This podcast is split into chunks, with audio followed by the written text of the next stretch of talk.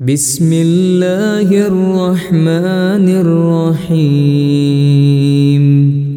شروع کرتا ہوں اللہ کے نام سے جو نہایت مہربان رحم فرمانے والا ہے تبارك الذي بيده الملك وهو على كل شيء قدير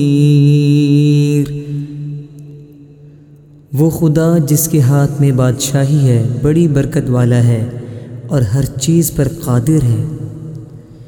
الذي خلق الموت والحياة ليبلوكم أيكم أحسن عملا وهو العزيز الغفور۔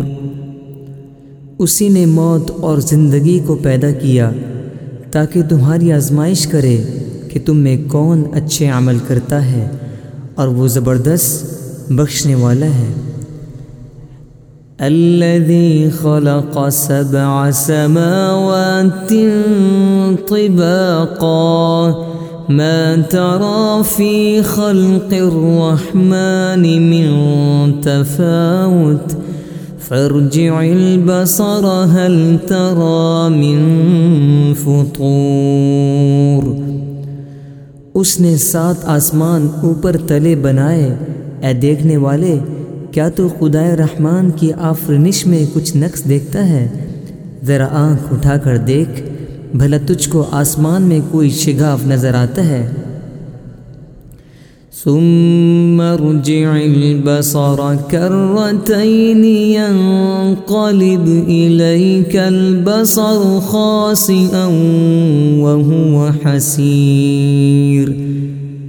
پھر دوبارہ سہوارا نظر کر تو نظر تیرے پاس ہر بار ناکام اور تھک کر لوٹ آئے گی۔ وَلَقَدْ زَيَّنَّا السَّمَاءِ الدنيا بمصابيح وجعلناها وجعلناها رجوما للشياطين وأعتدنا لهم عذاب السعير. اور ہم نے قریب کے آسمان کو تاروں کے چراغوں سے زینت دی اور ان کو شیطان کے مارنے کا آلہ بنایا اور ان کے لیے دہکتی آگ کا عذاب تیار کر رکھا ہے۔ وَلِلَّذِينَ كَفَرُوا بِرَبِّهِمْ عَذَابُ جَهَنَّمَ وَبِئْسَ الْمَصِيرُ۔ اور جن لوگوں نے اپنے پروردگار سے انکار کیا، ان کے لیے جہنم کا عذاب ہے اور وہ برا ٹھکانہ ہے۔ اذا ألقوا فيها سمعوا لها شهيقا وهي تفور. جب وہ اس میں ڈالے جائیں گے تو اس کا چیخنا چلانا سنیں گے اور وہ جوش مار رہی ہوگی. تَكَادُ تَمَيَّزُ مِنَ الْغَيْظِ كُلَّمَا ألقي فيها فوج سألهم فيها فوج سألهم خزنتها ألم يأتكم نذير؟ گویا مارے جوش کے پھٹ پڑے گی۔ جب اس میں ان کی کوئی جماعت ڈالی جائے گی تو دوزخ کے داروغ ان سے پوچھیں گے کہ تمہارے پاس کوئی ہدایت کرنے والا نہیں آیا تھا قالوا بلى قد جاءنا